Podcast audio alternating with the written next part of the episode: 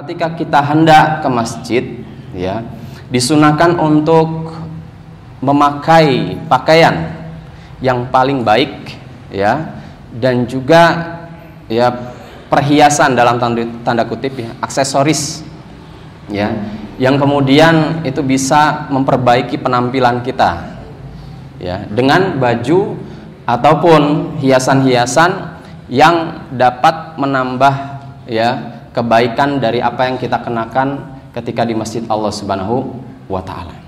Nah, di sini berdasarkan firman Allah Azza wa Jal dalam suratul A'raf ayat 31, A'udzubillahi samil alim minasyaitonir rajim, ya bani Adam, khudzu zinatakum 'inda kulli masjid.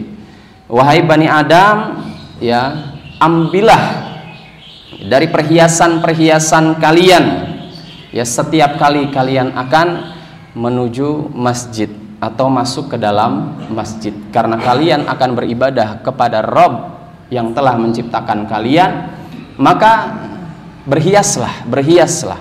Innallaha jamil yuhibbul jamal.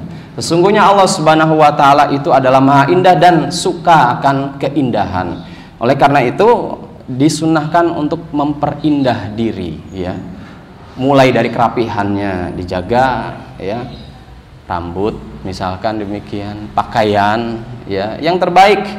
Ya distrika dulu yang rapi. Jangan kusut misalnya demikian. Pakai parfum itu bagian dari zina menurut uh, salah satunya adalah yang dijelaskan oleh Imam Ibnu Katsir bahwa uh, parfum itu bagian dari perhiasan ya. Kemudian juga bersiwak ya itu juga bagian untuk memperindah diri ya membersihkan diri demikian pakaian-pakaian yang syar'i yang menutup aurat dan sesuai dengan syarat-syarat yang telah uh, di, di apa namanya dicontoh oleh Rasulullah Sallallahu Alaihi Wasallam. Jadi berhias diri ya, memperindah diri di hadapan di hadapan zat yang maha indah. Ya demikian. Bukan pakaian-pakaian sekedarnya, sekedarnya. Padahal dia masih punya pakaian yang lebih baik daripada itu.